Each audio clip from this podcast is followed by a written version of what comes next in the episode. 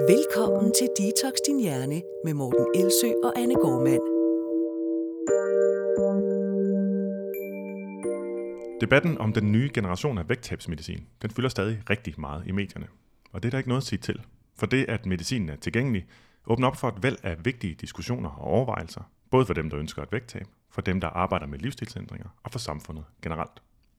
Af samme grund valgte Anna og jeg for et par måneder siden, at vi ville dedikere to podcastafsnit til emnet, velviden at vi på ingen måde vil kunne komme omkring alle aspekter i de to afsnit. I det første af de her to afsnit, der interviewede jeg øh, klinisk professor og overlæge på Steno Diabetes Center Aarhus, Jens Melgaard Brun, som jeg vist godt kan tillade mig at kalde ekspert i vægttabsmedicin. Formålet med det interview var at få styr på, hvad den her vægttabsmedicin egentlig er for en størrelse, så vi havde et godt fagligt fundament for den videre samtale. I dag sidder Anne og jeg til gengæld over for hinanden. Anne, sig lige hej til lytterne. Hej lytter. Og det gør vi netop for, at vi i fællesskab kan fortsætte snakken. Vi lægger ud med at vende nogle af de mere generelle diskussioner, som vægttabsmedicin åbner op for på samfundsplan. Derefter vil vi gerne give vores bidrag til, hvilke overvejelser man med fordel kan gøre sig, både som individ, der kæmper med overvægt, og som professionel, der arbejder med livsstilsændringer. Men inden da vil jeg gerne lige slå noget fast. Vi kommer hverken til generelt at anbefale eller fraråde medicinsk behandling af svær overvægt. Faktisk vil vi holde os fra at øh, komme med nogen simpel konklusion, for der er simpelthen så mange aspekter og perspektiver, at det kun kan blive for simpelt, hvis vi gør det. Det vi altid spørger os selv om i vores arbejde er, hvordan hjælper vi bedst folk til at leve det liv, de gerne vil? Og det er med de pragmatiske briller på, at vi går til det her emne også. Og så er der også lige en sidste ting, der skal af vejen her fra starten. Vi har ingen økonomiske interessekonflikter på det her område. Vi har ingen aktier i Novo Nordisk, hverken bogstaveligt talt, hvilket jeg godt kunne fortryde efterhånden, ja. eller i overført betydning. Vi har heller ingen betalte samarbejder med dem, eller planer om samarbejde med dem. Faktisk takkede jeg nej til et ikke uvæsentligt honorar, da jeg for nogle måneder siden var gæst i deres podcast Svær overvægt, og hvad så? Netop fordi jeg vil holde mig neutral. Vi har heller ingen samarbejder med vægttabsklinikker, der bruger vægttabsmedicin, eller planer om det, som det ser ud nu. Alt det her kan selvfølgelig ændre sig i fremtiden, men den her podcast er i hvert fald 100% interessekonfliktfri. Med det her vejen, så øh, lad os lægge ud med at snakke lidt om nogle af de samfundsmæssige perspektiver på, at den her form for vægttabsmedicin nu er en realitet, og altså tilgængelig i større eller mindre grad for rigtig mange mennesker. Og Anne, du har jo lagt den lidt over på mit bord, den her. Ja, det er noget værd noget. Ja, det er Både noget. fordi jeg er halssyg, og så føler jeg mig faktisk også lidt overvældet over det her emne. Ja. Som jeg faktisk har sagt til dig et par gange, når vi skulle optage, at, at når det kommer til den del, hvordan vi skal forholde os som behandlere Hmm. øh, og individer, det synes jeg er dejligt nemt at tale om. Men det her med, Øhm, om det er et problem på samfundsniveau, hvordan det påvirker den enkelte, det samfundsøkonomiske, det synes jeg er sindssygt svært, og føler mig faktisk på ingen måde kompetent til at komme omkring. Det er virkelig et uoverskueligt stort emne, fordi det påvirker så mange ting. Øhm, og det her, det bliver jo også på den måde sådan lidt bare et øjebliksbillede af de tanker, øh, vi har. Og jeg vil sige, jeg havde oprindeligt 10 punkter, og jeg skruede det ned til to. Gudskelov. tak for det. Så, der er ligesom, så det er altså bare et, et udsnit, et udpluk øh, af, hvad man kunne tale om, og, og, og hvordan, ja igen, det at medicinen er her, hvordan det egentlig sådan påvirker især vores forhold i virkeligheden til, til overvægt. Mm. Og, øhm, og noget af det, som jeg har valgt ud, man kan også igen snakke om alt muligt andet, nu nævnte du lige selv sådan samfundsøkonomi og sundhedsøkonomi. Mega spændende øh, diskussioner. Men altså, vi er jo ikke sundhedsøkonomer, så Nej. det ville også være lidt fjollet, at vi skulle sidde og- og kloge os alt for meget på det. Jeg har da klart nogle tanker om det, øh, men det har jeg altså så også valgt fra. Ja. Nej, vi kender lige vores afgrænsning her i forhold til vores fagfelt, og så prøver vi at netop at lægge fokus på, at det her det er et øjebliksbillede, og det er, hvad vi ved lige nu, vi tager udgangspunkt i. Hmm. Så der er en masse forbehold, vi kan tage, og det håber vi alt, at lytterne er med på. Ja. En af de ting, som jeg tænker i hvert fald er, er sådan ret centralt, det er som sagt, øhm, hvordan det, at vægttabsmedicin nu ikke bare er der, men også fylder så meget i vores samtale, hvordan det påvirker vores forhold til overvægt, og især om det bidrager til øh, stigmatisering, eller egentlig reducerer stigmatisering. Ja, Altså stigmatisering som, som den her sådan generelle, jeg ved ikke, om man kan kalde det ringeagten øh, over for mennesker med øh, overvægt og svær overvægt, baseret på nogle idéer om, at det en, er et udtryk for lav viljestyrke eller dogenskab, eller hvad det ellers skal være, som har været meget, meget udbredt i rigtig mange år. ja, det er faktisk sjovt, fordi det er noget, jeg så oplever rigtig meget i praksis, det er, at det er vildt forskelligt, hvordan folk ser det. Mm. Jeg har klienter, der tager medicinen, og også nogle, der aktivt har valgt det fra. Øhm, og, og de, de, altså, nogen er simpelthen så flove og skammer sig og vil ikke have, at nogen skal vide det. Og, øhm, enten fordi, at de hvad skal man sige, er flove over overhovedet at ville tabe sig, eller fordi de flove over, at de ikke selv kan. Ja. Og så er der nogen, som der ser det som, jamen det er da bare, øh, nu har jeg da bare de samme muligheder som alle andre. Jeg har jo haft svært ved det, og det er der nogen, der ikke har, så nu er vi jo bare ligestillet. Og det, er bare, det, det synes jeg bare er rigtig sjovt at følge med i, hvordan det kommer til udtryk. Øhm, det her, ja, hvad kan man sige, det lag, der er fra samfundet om, jamen, er det her noget, betyder det rent faktisk, at vi kommer til at se ned på personer, der er tykke, øh, fordi at vi nu ved, jamen man kunne bare gøre noget ved det. Altså er det sådan, er, ja. er det altså, et ja, og spørgsmål? ideen har jo været i virkeligheden tidligere, at en af grundene til, at man har set ned på, eller mange har set ned på folk med overvægt, har jo været, at de synes, at det burde man jo bare kunne gøre noget ved. Det er jo typisk kommer den holdning fra folk, som ikke har svært ved at holde vægten eller holde vægten nede. Øhm, og hvor man så kan se, at det er egentlig nok en mangel, mangel på forståelse for, hvad det er for nogle, øh, ja, hvordan det er at være i den hjerne og den krop, som andre mennesker har. Og det har man jo super svært ved typisk at sætte sig ind i. Det har jo også været noget af det, som har været min læringsrejse, fra jeg startede med at forstå, ja, eller vide bare ganske lidt om overvægt. Det, som de fleste ved, altså hvor man simpelthen bare kan se, at der er bare forskel på folks kropsstørrelse, og så lærer man, at det handler om kalorier øh, og kaloriebalance. Og så derfor så er der nogen, der så siger, så behøver jeg ikke lære mere. Så derfor må det jo betyde, at man bare skal lukke munden og lidt røven. Ja. Og det har vi alle sammen øh, lige gode muligheder for. Og, og det er jo så der, hvor der kommer en, en hel del læring efterfølgende, hvis man fortsætter med at forholde sig lidt nysgerrigt til det. Man finder ud af, at jamen, vi har virkelig forskellige kort på hånden.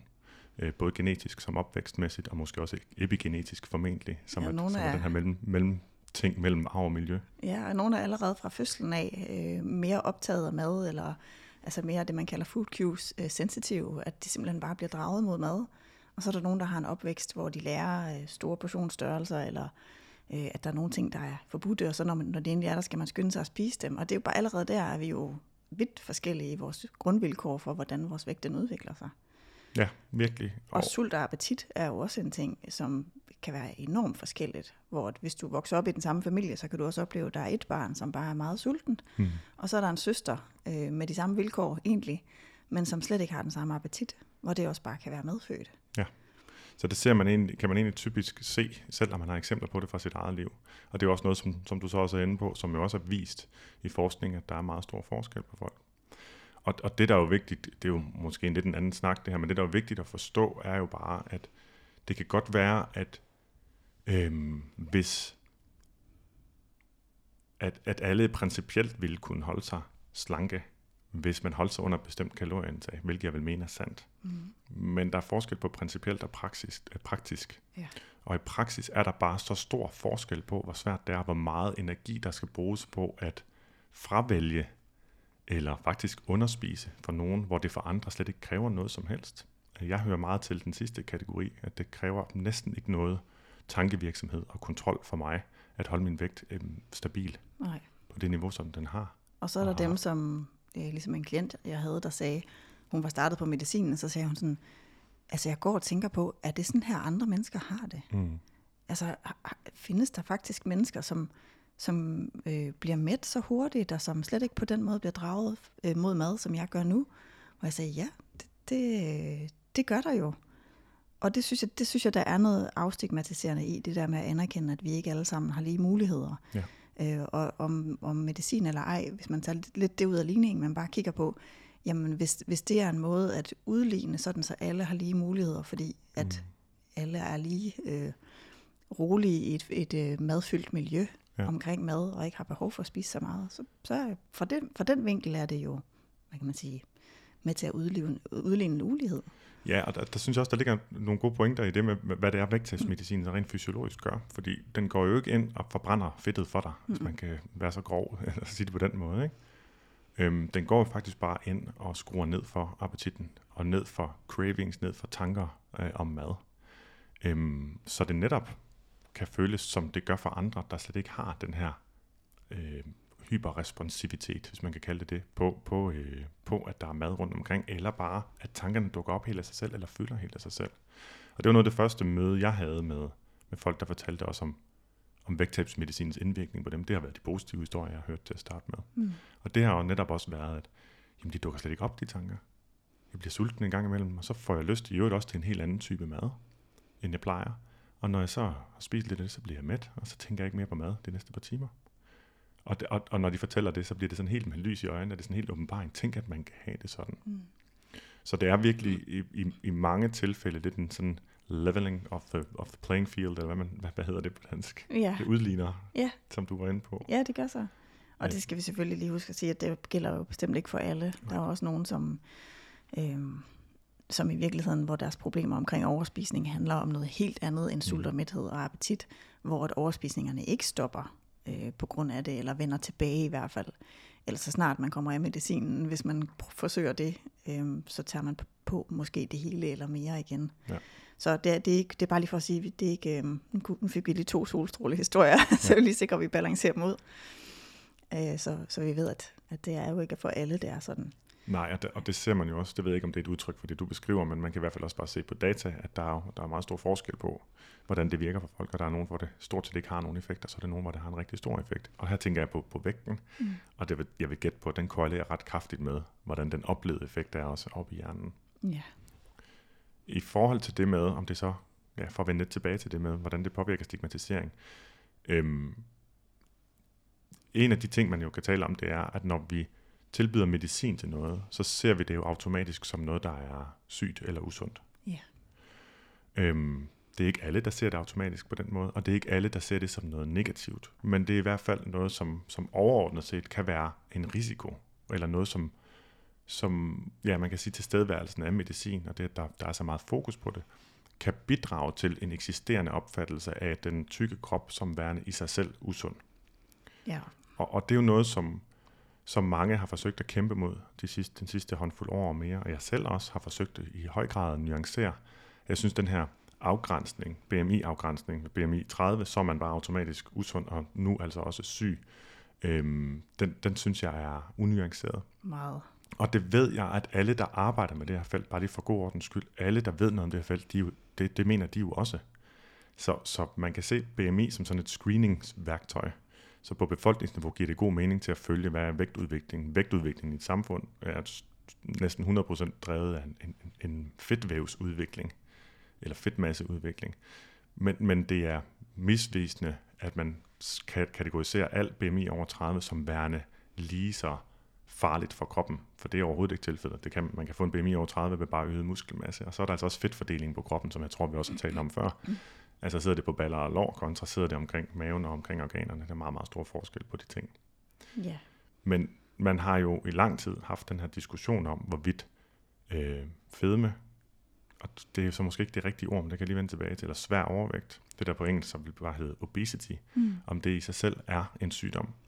Og der løber man jo så netop ind i det problem, at hvis vi afgrænser det bare med en kropsvægt per kropshøjde, jamen så vil vi ramme forkert rigtig ofte.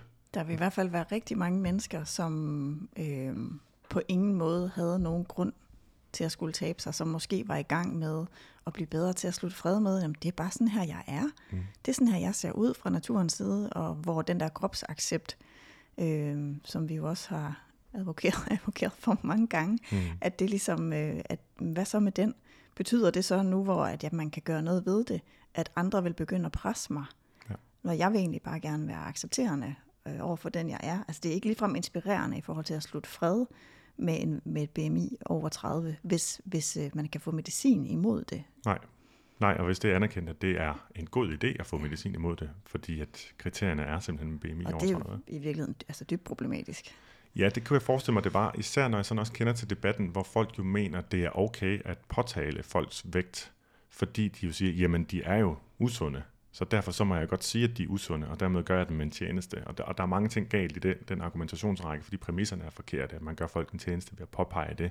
Det er der altså intet, der tyder på. Tværtimod er det typisk rigtig ubehageligt.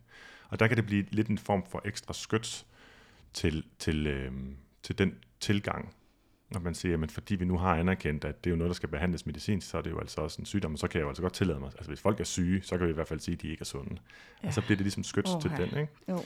Men den har jo været der en lang tid, som sagt, den her debat om, hvorvidt det er en sygdom. Og, og det giver egentlig god mening, at det har været noget, man har forsøgt at tage stilling til.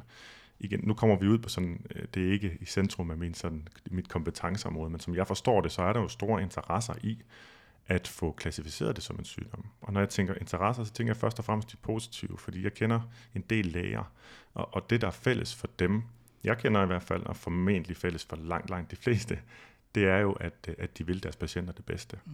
Og de har manglet ordentlige behandlingsmuligheder. De har bare igen og igen siddet over for mennesker, som øh, på grund af deres fedtmasse simpelthen har været i øget risiko og allerede har haft andre risikomarkører for sygdom, og de har ikke vidst, hvad de skulle gøre, og de har bare synes det er pissirriterende og hårdt, at ikke føle, at de ikke kan hjælpe, og ikke føle, at der var ligesom noget, at, ja, noget rigtigt at gøre, og bare sådan sige, jamen jeg kan medicinere dig for de ting, der følger af det, men jeg kan ikke gøre andet, eller jeg kan sige til dig, at hvis du taber dig, så virker det nok på det her, men men man ved også, at statistikken for det, øh, vægttabs, de vægttabsforsøg, den er rigtig, rigtig ringe for langt de fleste. Ikke? Øhm, så jeg ved, at rigtig mange har synes, jamen hvis vi kan få det, jeg tror, at rigtig mange har tænkt, at hvis vi kan få det til, hvis vi kan klassificere det som en sygdom, så har vi meget bedre behandlingsmuligheder, fordi så bliver det noget, som vi skal behandle i vores øh, sygehusvæsen, i vores, ja, ja, vores sygehusvæsen egentlig. Ja, og, så, og igen, det er heller ikke virkelig ikke inden for mit kompetenceområde, men jeg går også ud fra, at der også er en, øh, den økono, økonomiske afvejning, at hvis noget er en sygdom, så er der et større ansvar på, på, på staten på, i forhold til at hjælpe folk. Og det afhænger selvfølgelig af, hvilket, betale for det. Ja, præcis. Det afhænger selvfølgelig af, hvilket land man bor i. Det mere, må være mere komplekst ja. i, i USA og med forsikringssystemer osv., så, videre, så det vil jeg slet ikke åbne op for, men i Danmark, der giver det rigtig god mening, ja. at nu er det pludselig noget, som, som man jo også kan se, man, man måske kan få tilskud til. Ikke? Øhm, det er det jo så i det her tilfælde kun, hvis man har andre, øh, hvad hedder det, hvis man har andre risikomarkører. Det er så her, den her medicin jo også øh, kan ja. bruges. Ikke? Men, ja, undskyld. Nå, jeg fik bare lige lyst til at sige, og det, det kan være, det allerede er implicit, men at hvis man, hvis man nu sidder og lytter med og har et BMI på, på 30 plus, det er der ekstremt mange, der har, som lever øh, fuldstændig normale liv, sover normalt, bevæger sig normalt, ikke for hjertekarsygdomme, øh, altså hvor kropsaccept i virkeligheden kan være en rigtig god idé. Og grunden til, at jeg siger det, det er fordi, at jeg har den her lidt frygt for, at det kan blive sådan lidt en glidebane, at fordi den her medicinske mulighed er der, at så kommer vi til at se det som sådan en form for kosmetisk middel. Altså det er det, det handler om. Og det er bare, altså i mit hoved er det et alternativ til gastric bypass. Så det er, når, man sådan, når ens livskvalitet er så påvirket af det, eller man kan miste leveår eller livskvalitet ud i mm. tid, at man kan overveje medicin. Ja det er ikke ment til, øh, jeg kunne godt tænke mig at passe den kjole, jeg blev gift i, eller Nej, og det, ikke. og det er jo så måske i virkeligheden, hører også lidt under det her tema, ikke? At, at det kan komme til at føle, man kan komme til at føle, at der nu er, når det nu er endnu mere muligt at være slankere, så vil man også automatisk føle større pres. forventning eller pres til sig selv over, at man, man, man skulle gå i den retning. Ja, og øhm. man kan vælge medicinen til, fordi ja, du kan få det på recept, hvis du mm. har et BMI på 30, men det betyder jo ikke, at man skal gøre det. Altså man kan jo, øh, jeg har en, en klient, som gik til lægen, som, som sagde, at øh, hun fik det bare udskrevet. Så fik hun at vide, at du kan bare, så skal du bare lige huske det der med mad og ja, med motion og, og mad. Og så fik hun det med hjem, og hun har bare ingen andre markører. Hun fejler mm. simpelthen ingenting. Nej.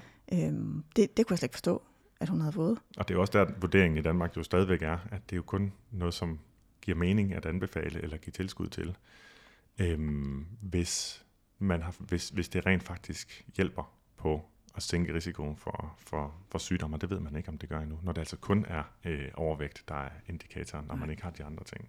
Nej, og det er jo bare, bare lidt grund til, at jeg lige havde behov for at sige det, det var også, fordi vi, vi siger jo, har allerede sagt, og kommer også til at sige ting, som er ret positive i forhold til, til medicinen. Men dem, vi tænker på, når vi taler om det, det er altså dem, der virkelig har brug for det i forhold til deres livskvalitet øh, og deres helbred. Det er det, dem, vi har i tankerne, når vi taler. Ja, og det er også der, hvor svær overvægt, og der, også igen, der er bare den der afgrænsning med, med BMI på 30, som er sådan lidt arbitrær, eller den er arbitrær, det bliver sådan nogle skarpe afgrænsninger nødt til at være.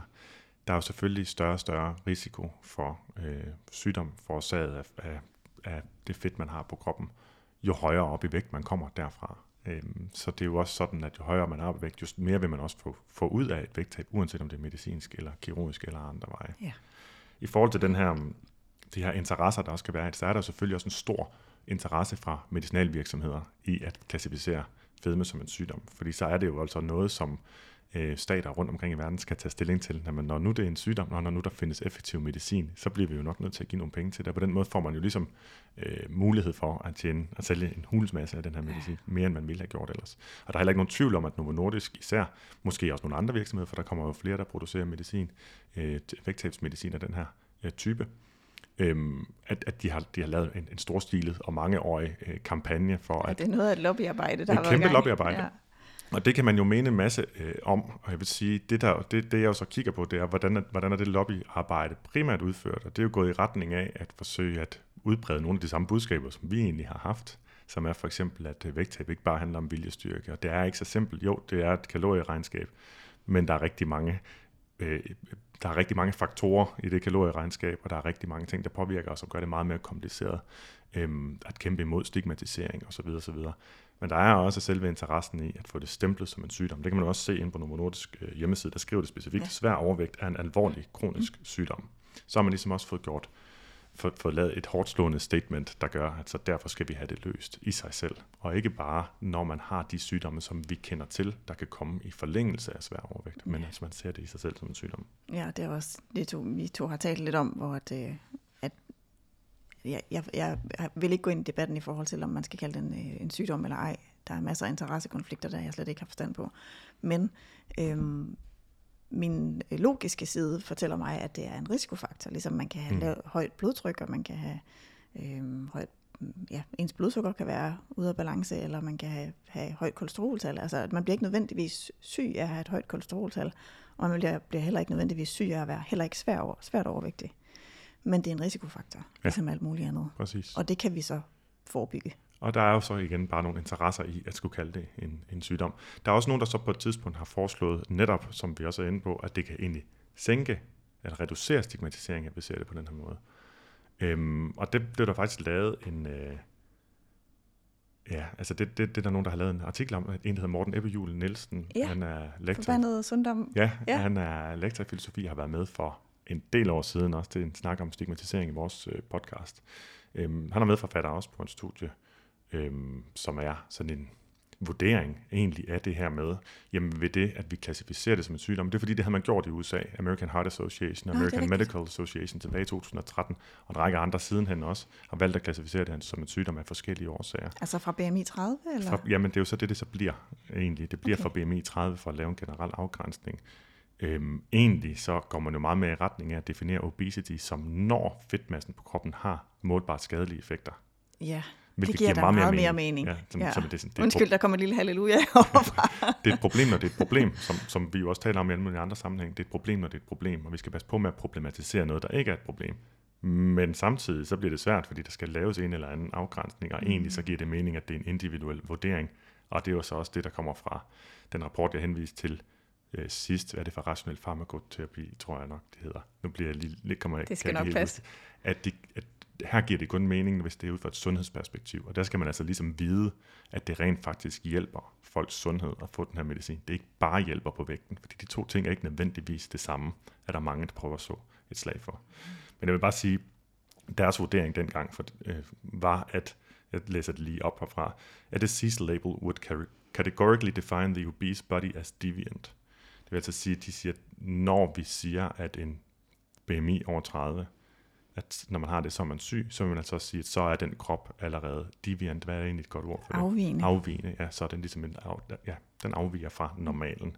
Og derfor mente de jo, at man egentlig, hvis man siger, at den er syg, så siger man også, at den er usund. Hvis man siger, at den er usund, så siger man også, at den er forkert. Mm. Så deres vurdering var, at det vil bidrage til at øge stigmatisering. Omvendt kan man jo så sige, at det at se det som en sygdom jo også strider mod den meget udbredte idé om, at svær overvægt er et valg, og at man bare kan vælge at tabe sig. Og på den måde kan det jo reducere stigmatisering, eller i hvert fald meget af det, som ligger til grund for stigmatiseringen. Så det vil sige, det Hvis virker... man tænker, at folk nu har lige vilkår for ikke at være så madfixeret. Ja, eller bare det, at vi ser, at hvis det bliver anerkendt, at det er en sygdom, jamen så kan folk lige pludselig ikke i lige så høj grad bare sige, at det er et valg. Nej. Og det har vi jo andre eksempler på, og hvis man ser alkoholisme som et sygdom, så er det heller ikke bare et valg og så videre. Altså, så, så når vi får fjernet det fra Mm. folks idé om, at det er et frit valg, hvor meget man spiser og hvad man spiser, jamen så kan det reducere det. Så jeg tror, det kan gå lidt begge veje. Så det er sådan godt måde luk munden og let røven argumentet Ja. øh, for dem, der, der opfatter overvægt som, som noget meget simpelt og typisk forarves egentlig over, at det kræver medicin. Og det er jo så den reaktion, der så stadigvæk er, at folk kan blive forarvet over det. Øhm, Ja. At der skal medicin til. Det er jo en livsstilsting, og det er jo bare, at man skal spise mindre. Det kan godt være, at det er svært, men så må man jo gøre det. Og det findes der altså også læger, undskyld læger, men det findes der også læger, der, der synes, og derfor så giver, giver det også mening, at man har forsøgt at kommunikere i løbet af nogle år. Også til den gruppe af mennesker, fagfolk og sundhedsprofessionelle, at det er altså ikke så simpelt. Nej, man kan godt sige, at hvis man siger at noget af en livsstilssygdom, så skal det vel ændres med livsstil. Der er det sådan det logiske i, i de ordvalg, man træffer der. Øhm, men, men altså, hovedsagen er jo bare, at, øh, at det kan godt være, det, vi kalder det en livsstilssygdom, men den er jo påvirkelig af, af gener og miljø og mm. øhm, det samfund, vi lever i, hvordan vi har skabt det, hvordan mad bliver produceret. Der er så mange ting, der påvirker det, så man kan jo ikke bare, altså en livsstil er jo ikke bare, hvordan man vælger at leve. Hvis man oversætter det til det, så er det jo helt galt. Nej, det er nemlig rigtigt. Så ja. det kan godt være, det er den måde, man lever på, men det er ikke det samme som, at det er den måde, man har valgt at leve Nej, på. nemlig. Øhm, og så kan man også sige, at livsstilssygdom forstås også som, at det er noget, der udelukkende er forårsaget af livsstilen. Og det er jo ikke det, der er definitionen. Definitionen er, at det er noget, der påvirkes af livsstil, men det er i samspil med, typisk med genetik. Ja. ja. Øhm, jeg synes, den her diskussion om stigmatisering er jo super og vigtig øh, at, at have helt generelt, og hele tiden holde fast i, hvordan påvirker det alle de mennesker, der går rundt, for der er rigtig mange, der går rundt og skammer sig enormt meget, og det er der ikke nogen, øh, er der ikke nogen der har, har nogen gavn af. Mm. Øhm, der kan være nogen, der så siger, at jamen faktisk så skal vi aldrig se det som et problem, overvægt og svær overvægt. Og det synes jeg desværre også, det kommer så til at fornægte, øh, at, at, at vægten, altså fedtmassen, hvis jeg må være så mm. sådan lidt mere ligefrem, og også mere det er det, det er, ligesom der findes muskelmasse, ja, så findes der fedtmasse. At, at fedtmassen kan nå en størrelse og en placering, som skaber et problem. Og det er virkelig ærgerligt, at, at man kan komme dertil, at det dur ikke, at vi kommer til at fornægte, at det kan være et problem i sig selv, altså ud over stigmatisering. Så jeg vil sige, Nej. bare lige slå et slag for stadig at fastholde, at man sagtens skal kæmpe både imod et usundt slankhedsideal, og samtidig mene, at svær overvægt kan være i sig selv begrænsende og sygdomsfremmende og øh, livsforkortende, hvorfor det giver mening at gøre en indsats imod det. Det er ikke fordi, at alle indsatser imod det i sig selv er stigmatiserende eller tykfobiske, for at bruge et mere moderne udtryk. Klart. Når man sidder over for nogen, som øh, har svært ved at gå, fordi at maven den kommer i vejen, øh, så de rent faktisk ikke kan gå ture med deres familie, eller man sidder med nogen, som har søvnopnø, som ikke kan sove og ikke kan koncentrere sig, og Øhm, altså så, så, kan man, så er det enormt svært, synes jeg, at prøve at forstå, at nogen kan synes, at, at overvægt aldrig er et problem. Det, det er det. Nej, der synes jeg, der ligger et, et, et selvbedrag eller et bedrag, der er i, at man forsøger at se tingene forsimplet. Ja. Og, og der, der går det typisk galt. Og Men man kosmetisk øhm, kan vi måske alle sammen godt blive enige om, at hvis der ikke er andet end kosmetisk, så er det jo fordi vores kropsidealer er for snævre og åndssvage. Klart, det er vel det, man i hvert fald forholder sig til, når man synes, man er forkert. Det er et eller andet andet og noget ideelt, typisk. Ja. Øhm, uden at det skal tage helt så lang tid, så var der lige en, en enkelt ting mere øh, til det sådan samfundsmæssige perspektiv, som jeg gerne lige ville tage op. Jeg kan godt mærke allerede nu, og det kan lytteren måske også godt, at det, det er godt, jeg fik barberet det fra 8 til 2 punkter, og nu når vi til punkt 2. det tror du. Nå, men det er noget, jeg da trods alt at indse ja. selv, inden, så jeg klapper lige mig selv på skulderen. Jeg, jeg klapper dig også på skulderen, hvis jeg kunne nå dig. tak. Så, så en anden ting, jeg i hvert fald tænkt over, det er det her sådan, ja, hvad kan man sige, lidt øh, spøjs i, at det er en medicinsk løsning på et øh, strukturelt problem. Og med det, med det mener jeg, at jeg har, jeg har ofte sagt, at, at svær overvægt, og igen, det kunne man så definere på en eller anden måde, eller bruge et andet begreb for, men nu bruger jeg det lige på den måde her, ikke? at svær overvægt, det er en naturlig reaktion på et fedmefremmende samfund. Fedme og fedmefremmende, det er jo sådan nogle ord, som, som også klinger lidt, kan klinge negativt hos nogen, men jeg har bare oversat obesogenic society mm. øh, til fedmefremmende samfund. Når jeg lige går meget op i det der med de ord, så er det fordi, jeg ved godt, at, at, at det kan man ramme sig af, og det kan jeg sagtens forstå. Øhm, og der er også lavet en, en, en fin artikel, jeg lige læste her til, til formiddag i ugeskrift for læger om, netop hvordan kan vi definere det anderledes. Øhm, og de foreslår, at vi vender tilbage til et ord, som egentlig har været brugt noget tid, nemlig adipositas. I stedet yeah. for at tale om fedme. Også i stedet for at tale om svær overvægt, fordi svær overvægt fortæller ikke nødvendigvis om fedtplaceringer, og det er farligt. Så adipositas, det er, når man har fedtmasse, der har negative konsekvenser, målbart negative konsekvenser. Ej, det var totalt meget en tangent. Jeg det var en, lige en fin og vigtig tangent. Så, men det jeg i hvert fald vil tilbage til, det er, at, at, at det at have en høj fedtmasse, det er en naturlig reaktion på et fedmefremmende samfund for rigtig mange, for mange menneskers vedkommende. Og skal det, man så løse det med medicin? Det, det kan man det også få lov til, altså, til at spørge om. Ja, netop. At, at, at have en høj appetit, det er jo ikke en, en sygdom. Man kan jo sige, evolutionært set, så har det været super smart, at man har spist så snart der har været mad tilgængeligt. Ja. Og det er jo nok også derfor, at altså, der er jo ikke nogen grund til at sortere de gener fra, som lige nu giver folk problemer. Men det kan så give problemer i det samfund, vi har skabt. Og med det samfund, vi har skabt, mener jeg så, at, at når øh, meget kalorier til det fødevare er, er alle steds nærværende er meget tilgængelige, og alle mulige andre ting, men det er mm. også det, vi har, vi har mulighed for at reagere på meget i livet ved at spise, fordi maden er der simpelthen. Og så kan man så tænke på sådan en parallel dertil. Øhm, øh, ADHD, og det kan jeg åbne op for en total vipserede, for der er mange stærke holdninger til det også. Men så vidt jeg ved, så er det i hvert fald ikke en sygdom. Men det er sådan lidt en, en type hjerne, hvis man kan sige det på, Mm. en måde at tænke på, som jeg jo øvrigt kender indgående til selv. Øhm, den, den måde at tænke på, og den, den type hjerne. Øhm, og det er noget, som simpelthen kan give problemer i det samfund, vi har skabt. At have den type hjerne. Og derfor så vælger vi at sige, at det kan vi medicinere for, at folk de får et bedre liv. Hvis jeg sådan skal prøve at opsummere, hvad jeg tænker er tankerne bag at give medicin til folk med, med ADHD. Og samtidig tænker jeg, at det at have den type hjerne evolutionært set, har givet sindssygt god mening, at vi har forskellige typer hjerner. Der er nogen, der er hyper opmærksomme på distraktioner for eksempel. Og det giver heller ikke nødvendigvis mening, at vi alle sammen skulle være super gode til at sidde og fokusere i lang tid. Det ved jeg, jeg ikke selv er. Men det skaber så bare problemer i et samfund.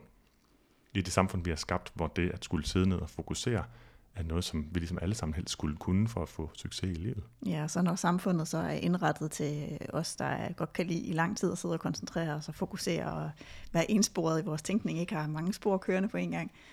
Øhm, så jeg synes også, det er en rammende tanke. Skal man så medicere, medicinere øh, andre, som ikke passer ind i den ramme, når det ikke nødvendigvis, øh, når, den, når den ramme er, er sat øh, for en del af os. Jeg tænker også på det i forhold til, at jeg er sådan ret øh, introvert. Jeg er meget Mm. social, men, men meget introvert. Øh, Så jeg lader op, når jeg er alene. Og det at være på en arbejdsplads, hvor der er mange mennesker, eller være i- i skole eller sådan noget, det er jo fuldstændig ødelæggende. Og så kunne man godt sige, at du kan da få en pille, som gør, at øh, du kan være mere social i længere tid. Mm, Det kan man godt, men man kunne også bare øh, tilpasse sig, hvad der passer til ens hjerne og ens sind. Ja. Så jeg kan, godt, altså jeg kan egentlig godt lide parallellen. Jeg ved ikke, om den er helt 100 holder, men der er en parallel i, når det er samfundet, der ligesom er indrettet på den her måde, skal vi så lægge ansvaret? Skal folk så begynde at bruge medicin for at løse det problem? Det, Ja. det kan jeg godt se, der er et stort problem i. Ja, man, man kan også lave sådan en, lad os, stress er nærmest en folkesygdom. Øhm, vi kan også få effektiv stressdæmpende medicin for at modvirke, at der simpelthen stilles for mange, mange krav til os, både af os selv og af andre. Men er det ikke sådan lidt spøjs måde at løse det på? Nå, det er en lidt spøjs måde at løse det på. Men det er sådan mere filosofisk. For lige nu her står mennesker så bare med et problem. For hvad er så alternativerne til, hvis ikke der var medicin? Jamen hvis vi vender tilbage til det med ADHD, så vil man kunne finde mange historier fra folk, som pludselig kan leve de- deres liv meget bedre, sådan som de gerne vil det. Øhm, på trods af, at man ikke kan sige, at deres hjerne er forkert, men den måske bare ikke øhm, hjælper dem til at fungere godt i det samfund, som det er i dag. Men øh, hvad er alternativet til medicin lige nu? Jamen det er jo, at vi kunne så ændre på samfundet ud fra den her tanke, at det er et strukturelt problem, så skal det løses strukturelt. Men det kræver formentlig rigtig, rigtig meget. Altså at ændre. Jeg har foreslået på et tidspunkt, kan vi rulle det fedmefremmende samfund tilbage? Kan vi prøve at gøre noget ved portionsstørrelsen og sammensætning osv.? Det er enormt omfangsrigt. En kæmpe, kæmpe, kæmpe stor opgave, som typisk rykker enormt langsomt selv, der hvor der er succes med at gøre det, med meget små ting, man gør anderledes. Det er i hvert fald ikke ligesom at vende en, øh, en lille speedbåd. Der Nej. skal udstikkes nogle koordinater, og så er der en supertanker, der skal vende, så det tager det mange, mange år. år. Og så kender vi ikke udfaldet. Og det er også det, der er svært. Man ved jo ikke med sikkerhed, at hvis vi laver de ændringer, så kommer det til at have den her effekt, sådan at vi ikke behøver at ændre på os eller medicinere os, men at de samme gener, som vi altid har haft formentlig, at, at de bare nu fungerer bedre, fordi miljøet er anderledes. Mm. Øhm, jeg har selv kæmpet for, for det, fordi jeg synes, det giver mening. Kraftens bekæmpelse har kæmpet rigtig meget for at se, kan vi gøre noget ved portionsstørrelsen, så de ikke bare fortsætter opad og formentlig hiver vores vægt- med opad. Mm. Vi kan så også gøre, som vi plejer, altså gøre ja, ingenting, kan man sige. Øhm, og så kan vi se, hvordan flere og flere kommer til at kæmpe med konsekvenserne af svær overvægt i fremtiden. For det er den, det er den vej, kurven den vender stadigvæk. Det er, at flere og flere kommer til at veje mere og mere. Og selvom det ikke er alle, det får konsekvenser for, så vil det få konsekvenser for mange i forhold til både sygdom og, og tabte leveår. Så der var altså ikke nogen løsning på det her punkt. Det var Nej. altså Nej. bare et oplæg til, altså det er spøjst, at vi forsøger at løse de her problemer med medicin, men altså, skal Men vi være også- modstandere af det af den grund, eller skal vi kigge på den enkelte, i stedet for at sige, at giver det mening, eller giver det ikke mening? Nej, og det er der, hvor diskussionen bliver sådan lidt speciel, fordi man kan tale om, hvad der er bedst på samfundsniveau, hvad der giver mening øh, for, hvad skal man sige, fremad i tid. Når vi kigger på øh, vores levealder, lad os sige 40 år frem i tid bare, hvordan vil vi gerne have, at verden skal være der? Vi kan godt sætte nogle idealer nu, men, men der er bare en hel masse mennesker, der så er fanget Hmm. i den verden, der så er. Og, og, og skal vi så sige til dem, jamen øh, kropsaccept er vejen frem, og lige om lidt, så er der ikke, på et tidspunkt, og mange år, så er der ikke, så er portionsstørrelserne bedre, og så, altså, så er der bare nogen, som, som vi ikke kan hjælpe. Ja, og, og det, det kan godt være en lille smule privilegieblindt nogle gange, kan jeg i hvert fald godt, det kan dukke op på min sådan lystavle, når vi taler om det nu, ikke? at man siger, jamen, så skal vi bare acceptere kroppen, som den er, eller skal vi bare vente på, at tingene det ændrer sig, fordi det rigtige at gøre, det er at forændre det strukturelle, i stedet for at benytte sig af medicin. Det hjælper bare ikke den person, der lige nu kommer til at miste muligheder og miste leveår, hvis ikke de får hjælp. Nej. Og her taler jeg jo selvfølgelig især, eller kun, om dem, for hvem fedtmassen rent faktisk netop har de konsekvenser. Ja, vi absolut øh, vil gerne minde om, at vi ikke taler om kosmetiske årsager her. Jeg tror, det er tredje gang, du siger det, men ja, jeg forstår men jeg, godt, det er vigtigt jeg for dig. Jeg synes, det er vigtigt, fordi jeg, jeg, jeg kan sagtens se, hvordan, hvis man lytter til det her, man kan tænke sådan, nå jamen, så, så er Morten og Anne, de er tydeligvis for, at man bare skal tabe sig, så man bliver helt vildt slank. Ja. Vi kunne ikke være mere ligeglade med, hvordan folk ser ud. Mm. Vi vil bare gerne have, at de har det godt. Nej, og det er jo, det er jo hver menneskehjernes øh, tendens, det er at forsøge at forsimple det, man hører, øh, til, til det. Men vi kommer altså, som jeg sagde helt til at starte, vi kommer ikke til at lande i en af de to steder. At mm. det enten er, yes, det skal du gøre, eller nej, det må du aldrig. Nå, Anne, der er mange flere ting, man kunne tale om her, men nu vil vi i stedet vende fokus over på, øh, hvordan vægttabsmedicin påvirker ens rolle, hvis man er diætist, kost, kostvejleder, coach eller lignende. Og i den forbindelse selvfølgelig også belyse, hvad man skal vide, og hvad man måske skal tænke over, hvis man selv overvejer vægttabsmedicin. Du lytter til Detox Din Hjerne med Morten Elsø og Anne Gormand. Så når det kommer til øh, vores rolle som behandlere, og hvordan vi skal forholde os til det her som individer, øhm, nu sidder vi primært i behandlerrollen, så vi tager det derud fra, men det kommer også til at give mening for, for dem, der sidder derhjemme og skal træffe det her valg selv. Øhm, der er ligesom tre ting, jeg synes, der er vigtigt, vi kan komme ind på i dag, og den ene, det er, hvordan, øh, hvad er vores rolle, når vores klienter overvejer vægttabsmedicin, hvis vi mm. starter med det, og, og bagefter kan vi tale om, øh, hvad så, hvis de har valgt vægttabsmedicin? Hvad er så vores rolle der? Og så det sidste, det er i forhold til, hvis de har øh, et ønske om at prøve udtrapning, mm. øhm, som der jo ikke er nogen, der kender lige nu konsekvenserne af, eller mulighederne for, mm. men hvis man vil prøve det, hvad er så vores rolle der? Og øhm, hvis vi starter med den første, hvad er vores rolle egentlig, når, hvis vi har klienter, der overvejer vægttabsmedicin? Og øhm, der vil jeg sige, at noget af det, man er nødt til at starte med, det er, at man er nødt til at starte med rådgivning. Altså nu er vi jo i mm. sige, coachingbranchen, vi to, ja. så vi stiller enormt mange spørgsmål, men, men man er simpelthen nødt til, når man har den her rolle, lige at starte med at sige, der er nogle ting, vi skal have på plads, inden vi overhovedet kan tale om, om det her giver mening. Simpelthen noget information. Ja, man skal have noget information, mm. inden man træffer sin beslutning. Øh, og den ene er det, som du sagde tidligere, at alle er jo forskellige. Mm. Hvad der virker for nogen, virker ikke for andre. Nogle har mega god effekt, nogle har super mange bivirkninger, og har, øh, ja, så derfor ingen effekt, fordi de er nødt til at stoppe. Øh, og så er der nogen, der tager medicinen, hvor det så ikke hjælper alligevel. Mm. Så man skal lige forventningsafstemme, fordi man har sikkert kun set solstrålehistorierne på TikTok og i medierne. Og så kan man jo godt blive væsentligt eller ret skuffet, når man så opdager, at det ikke gælder for alle. Og så er der også noget det, at man jo faktisk, øh, hvis man går ind i det med håbet om, at nu skal jeg blive helt vildt slank, altså det er den her sådan, kosmetiske tilgang, så skal man jo også lige vide, at man bliver ikke nødvendigvis slank. Mm-hmm. Hvis man vejer 120 kilo, så vil man tabe sig i gennemsnit 15 procent, så vil man jo lande på 102 kilo ish. Så omkring. Ja. Øhm, og, og det er jo ikke slank-slank i forhold til kropsidealerne, mm. men kan jo gøre en kæmpe forskel i forhold til søvnapnø eller diabetes eller noget andet. Nu nævnte du selv den coachende tilgang med, med spørgsmål, og der kan man selvfølgelig, en ting er information, som man kan give, men man kan altid starte med at tjekke, kender de til den, altså hvad, hvad ved klienten selv?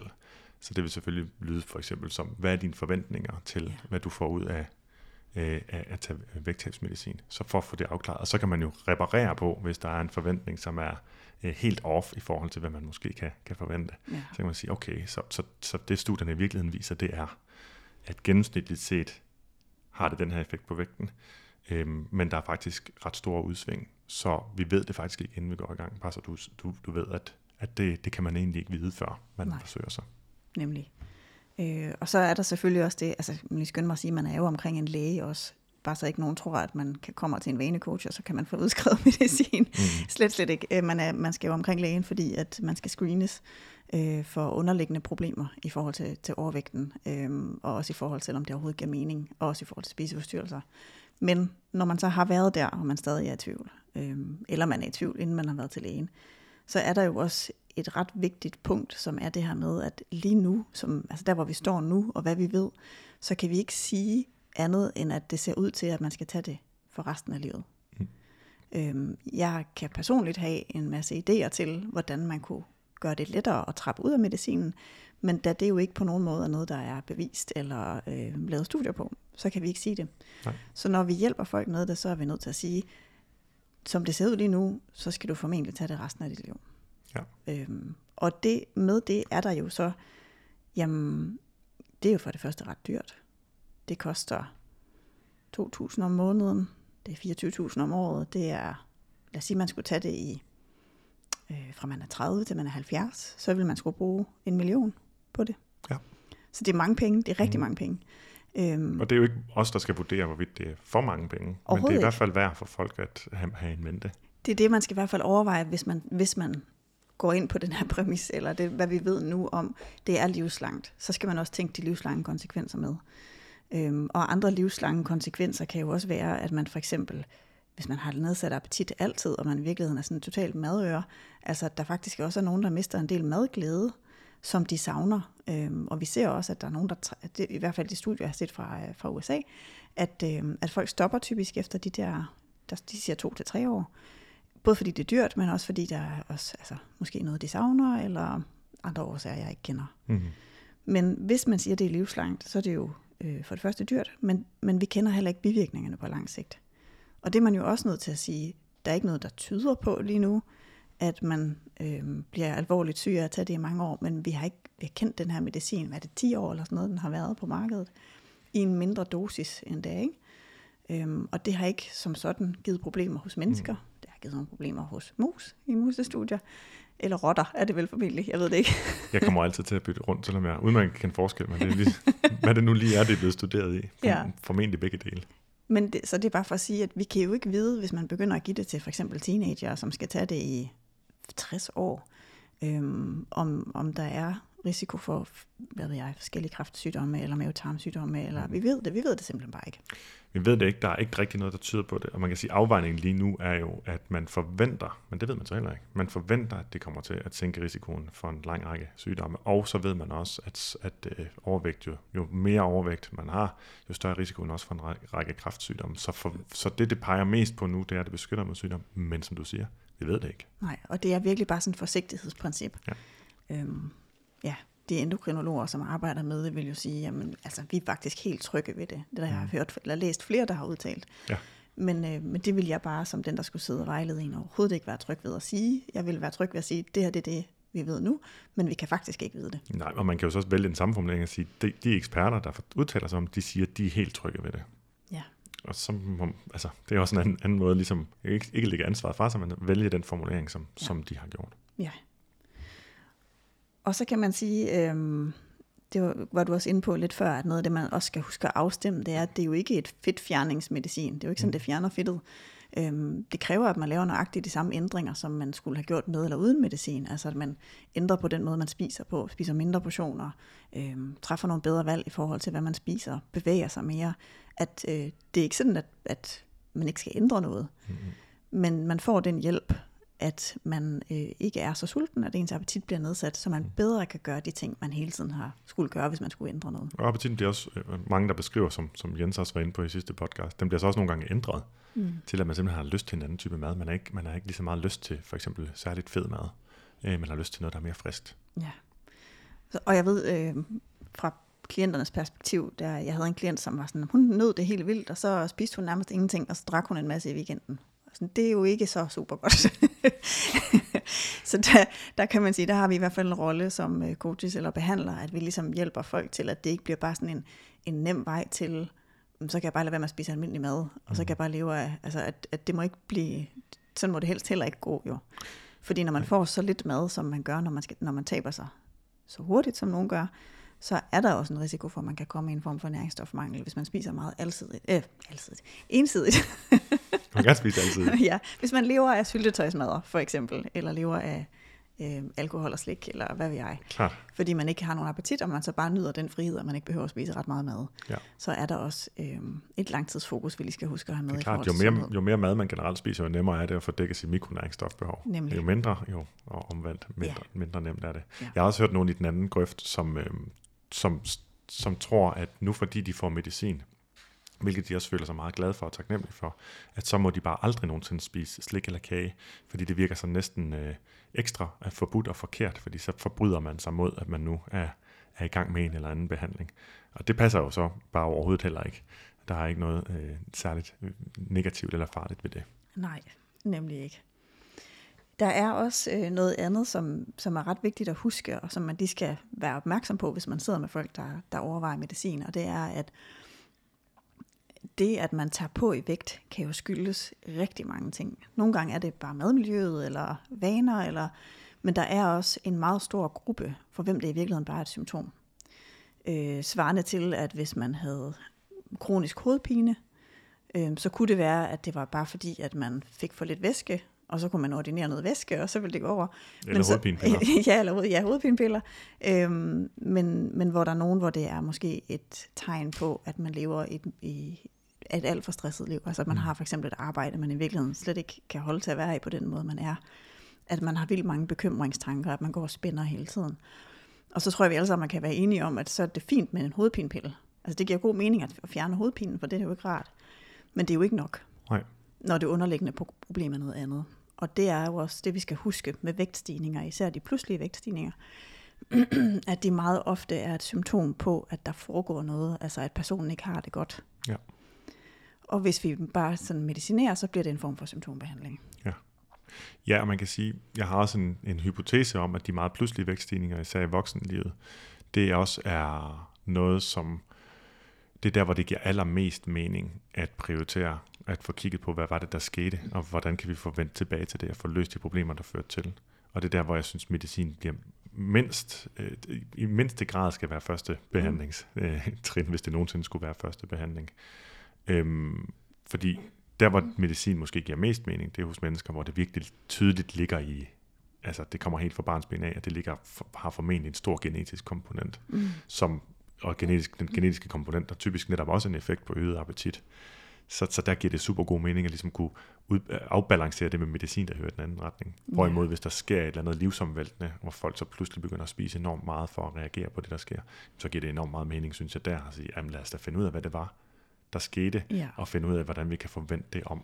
Øhm, så, så, øh, så, så vil man forvente, at den gamle adfærd, man havde før man, det, der skete noget ekstraordinært, der vil kunne vende tilbage, Ja. Og dermed også vægten. Og så skal man også huske, at noget af det livsomvæltende, der kan være sket, det kan også være, at man simpelthen bare øhm, havde en god appetit og blev lidt rundere end de andre børn, og det havde der ikke været noget problem i. Men fordi man så blev mobbet eller holdt udenfor eller set ned på, så fik man nogle barndomstraumer med øh, på grund af det. Og, og BD kan være et symptom, øh, altså tvangsoverspisning kan være startet på den måde. Ja. Øhm, fordi at mobning er lige så stort et traume som, som misbrug i familien, eller Mm. kan være det, ikke? Jo.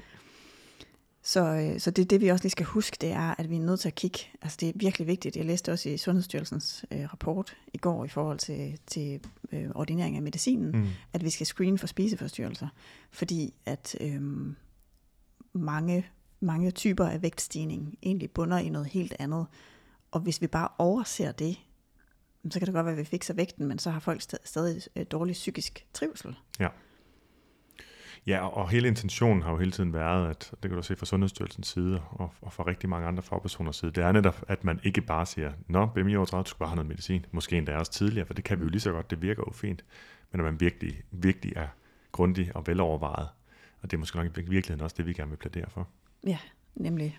Og at man er bevidst, at, altså man er lidt, at sit ansvar er bevidst, når man udskriver mm. medicin, og når man hjælper folk med det her. Øh, også i den rolle, vi sidder i, hvor vi hjælper dem med vanerne omkring det. At vi ikke kommer til at overse, at der sidder et menneske, hvor det her i virkeligheden mest, mest af alt bare var et symptom på, at de øh, har været udsat for, for vold eller misbrug, da de var børn, og ikke har fået hjælp til det. Altså, så skal vi jo henvise til en psykolog. Øh, Ja.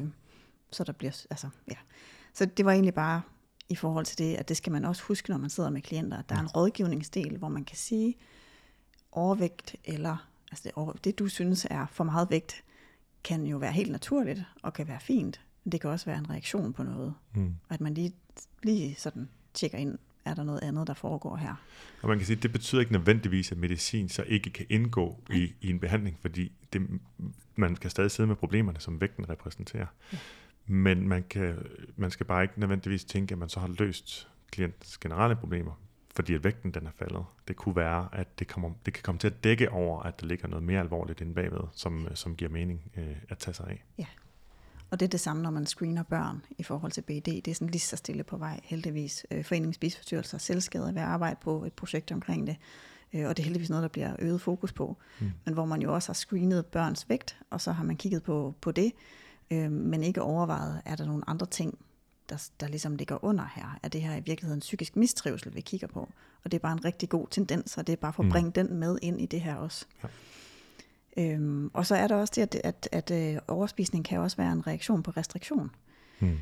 Øhm, hvor at et liv på kurer, og hvor man blev set ned på, og man så ned på sig selv, og man derfor har haft en masse regler og haft en masse restriktioner for, hvad man må spise, så kan man godt have en periode, hvor medicinen hjælper. Trapper man så ud igen, og man stadigvæk har alle de der regler for, hvad man må og ikke må, og man så pludselig begynder at mærke, at man har lyst til dem, så går man jo i panik. Mm.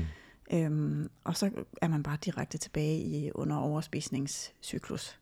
Så ja. det er også et forstyrret spisemønster, som, som man skal have hjælp til, mm. hvis man på et tidspunkt skal trappe ud af medicinen, og man kunne også faktisk også godt forestille sig, at det var et mønster, der kunne komme tilbage, selvom man var på medicinen. At det kan vi ikke vide Nej. Øh, om efter tre år, om man så...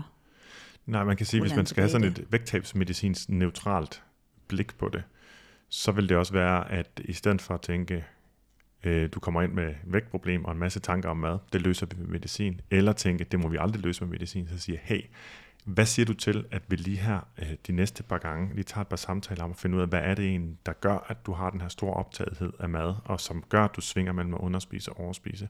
Og så se, om der er nogle af de ting, som jeg har arbejdet med, og kan arbejde med, som rent faktisk kan virke på det. Og at det måske også der påvirker vægten. Ja. Og hvis vi gør det, og du føler, at der er en fin effekt på hjernen, det har nogen effekt, men du stadigvæk kan se, at vægten rykker sig ikke, og jeg begynder at, at have nogle, nogle helbredsmæssige problemer af det, men så kan vi jo, øh, så, så kan du overveje øh, medicin på det tidspunkt. Men ja. når vi faktisk starter med at kigge på, er der noget, vi kan gøre? Er der rent faktisk noget, vi kan dreje på her, som gør, at vi ikke behøver medicin? Og det igen, det er ikke for at fornægte, at den kan have en effekt. Men i stedet for ligesom at vælge, enten skal du, eller også skal du ikke, så sige, kan vi have en periode, hvor vi arbejder med nogle af de ting, som vi ved også kan virke.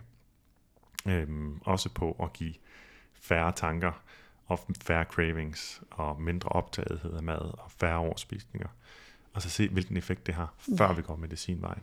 Ja, det er også en, en meget vigtig pointe, synes jeg, du kommer med der, fordi det er også øh, i forhold til, hvornår skal man øh, bruge medicin? Jamen, når man har prøvet alt andet, øh, vel i virkeligheden.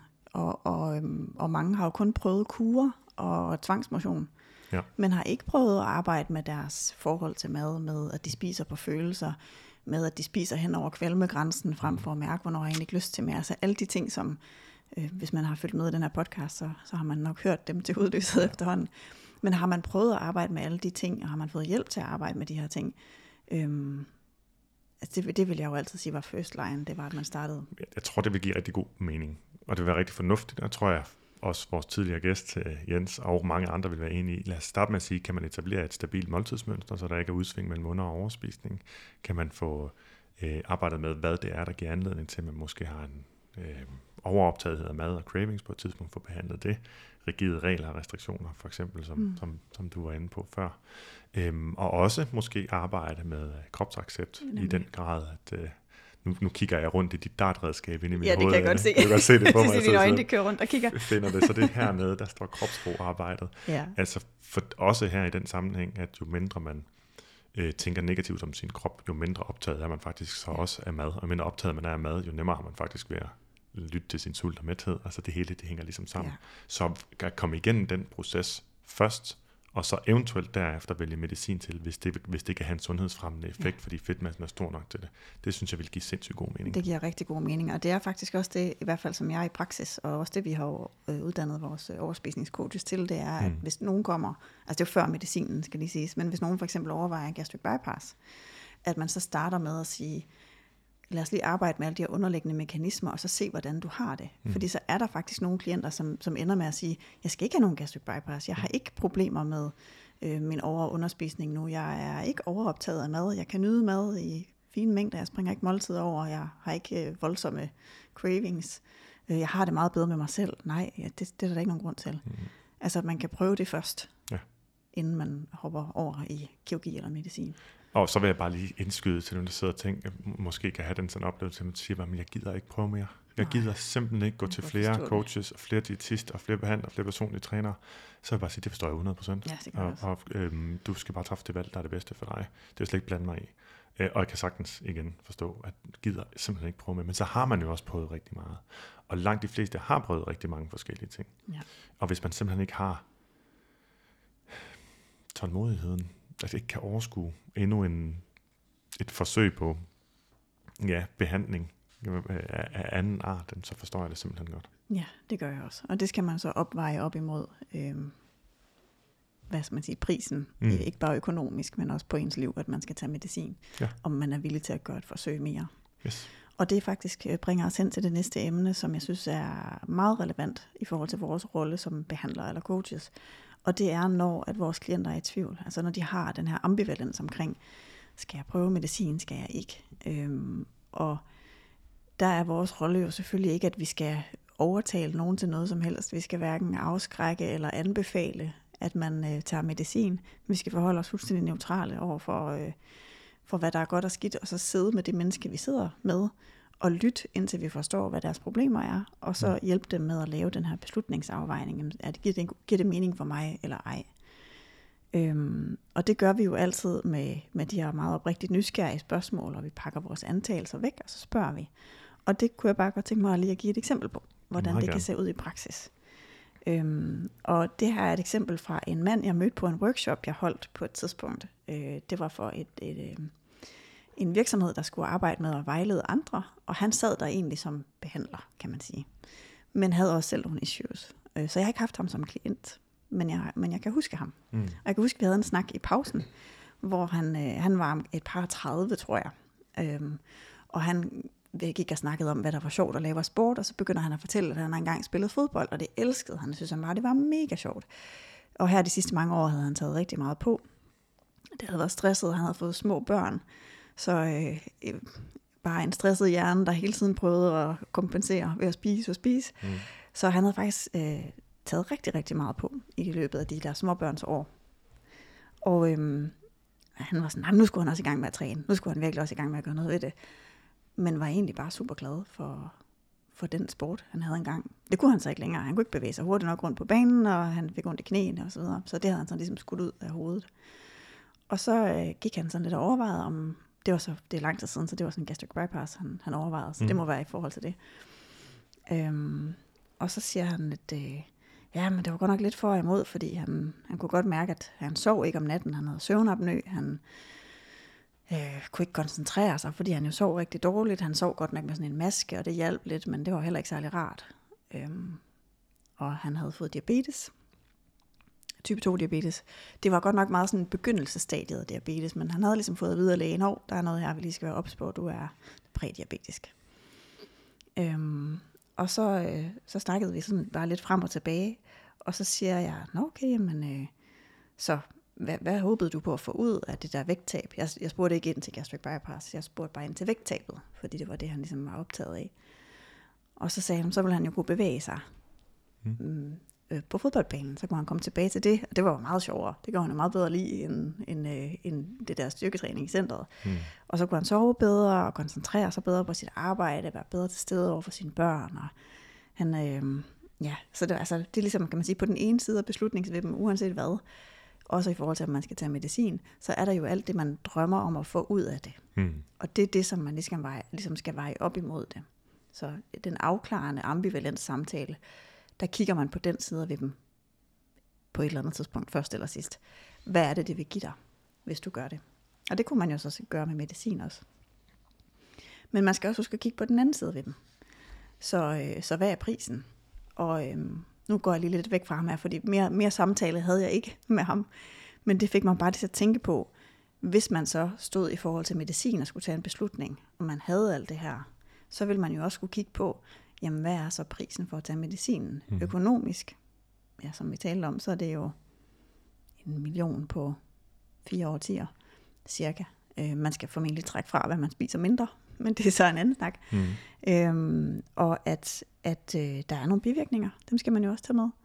Altså der er på kort sigt, der er bivirkninger med kvalme, med opkast, med ondt i maven, med hovedpine.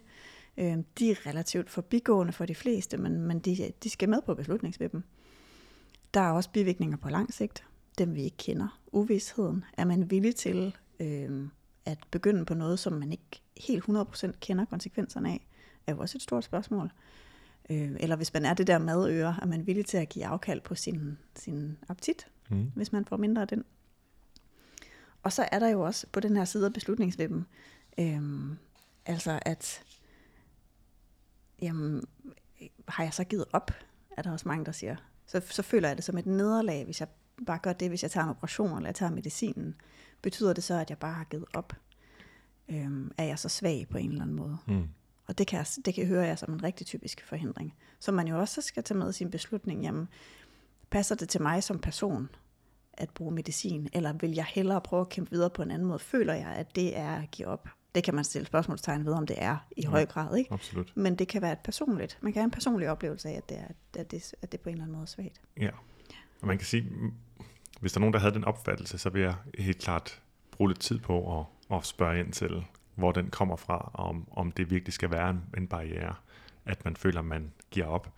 Der er jo også et, et altså, øhm, det kan også være en rigtig, rigtig god idé at give op på ting nogle, nogle gange. Vi ser, at give op, det lyder som noget negativt. Så der er virkelig nogle projekter, vi bør give op på. Øhm, der er ting, som vi skal, jeg ved, du arbejder også med, med, med, med et redskab, øhm, nu har jeg glemt, hvad det er det hedder. kreativ håbløshed? Kreativ håbløshed fra, fra Acceptance and Commitment Therapy. Der er jo også, at vi skal faktisk nogle gange komme dertil, hvor vi skal synes, at der er noget, der, der er en projekt og en tilgang, vi har til noget, som er håbløs. Vi skal ikke blive håbløs på livet, men håbløs på den strategi. Og på den måde, så kan det også være godt at give op på noget på et tidspunkt. Og så jeg giver simpelthen op på den her ting, for det, det, det koster mig simpelthen for meget, så derfor er det ikke en positiv ting at give op på det. Mm. Og man kan også vente den om og så sige, for nogle menneskers vedkommende, så handler det måske så kan man sige, det kan godt være, at vi kan få sorteret den fra, den tanke, at det skal stå i vejen for, at man ikke vil prøve noget nyt, fordi man tror, man så giver op. Men der kan også godt være en, man kan, man kan også sige, at jeg gad faktisk stadigvæk godt give det et forsøg med, for jeg synes, det ville være mega sejt, og det ville være sådan en ting, jeg ville, jeg ville synes, øh, jeg kunne være stolt af, hvis jeg faktisk fik ændret på nogle af de handlemønstre, som jeg har lige nu. Hvis jeg faktisk fik vendt det her om, det her, som bare er gået mere og mere i en skidt retning, på med mit aktivitetsniveau og min spisning og min vægt, og jeg føler konsekvenserne af det. Er det noget, jeg kan gøre?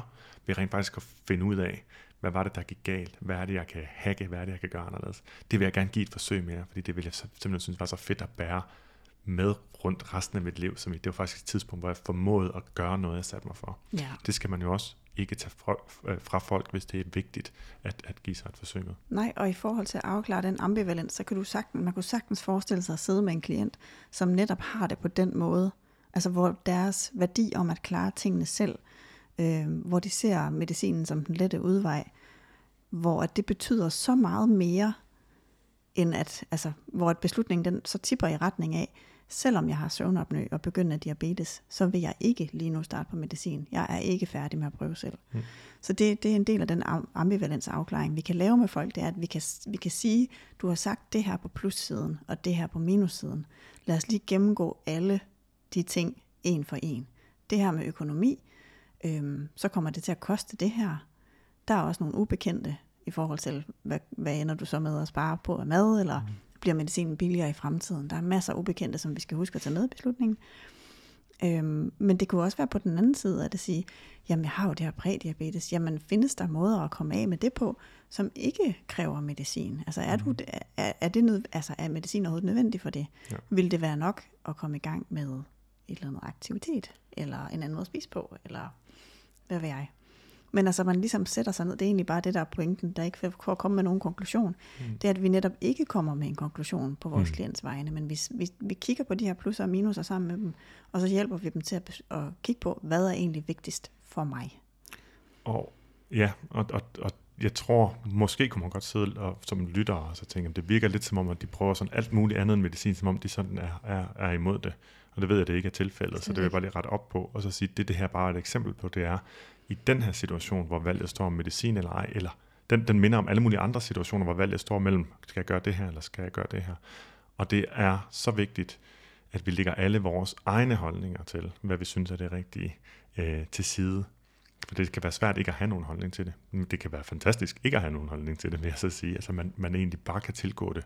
Det vi plejer at kalde, eller jeg plejer at kalde klientcentreret. Ja, Altså vi tager udgangspunkt i den, der sidder overfor, og hjælper dem til at træffe den beslutning, som er bedst for dem.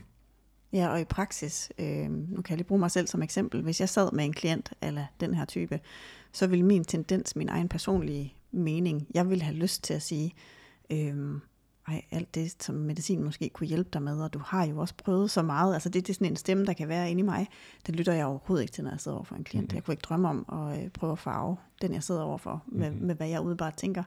Øh, også fordi jeg ved, at mit, øh, mit hjælpegen, eller hvad man skal sige, nogle gange kan være lidt misguided, mm. i forhold til, at jeg, at, øh, at jeg vil bare så gerne, at folk skal have det bedre. Ja. Så jeg kan komme til at tænke, åh, tag nu bare den lette, øh, hvad jeg tænker som den lette løsning. Ja. Øhm, men det prøver jeg virkelig meget at blande udenom, fordi jeg ved, at folk har andre værdier, ja. end jeg har. Og du ved ikke, hvilke andre værdier. Altså, du skal ikke sådan sige, jamen, jeg kan ikke forestille mig, at der er andre ting, man kan tænke end det her. Det behøver man ikke. Man må bare lægge sine antagelser til side og spørge i stedet for. Ja.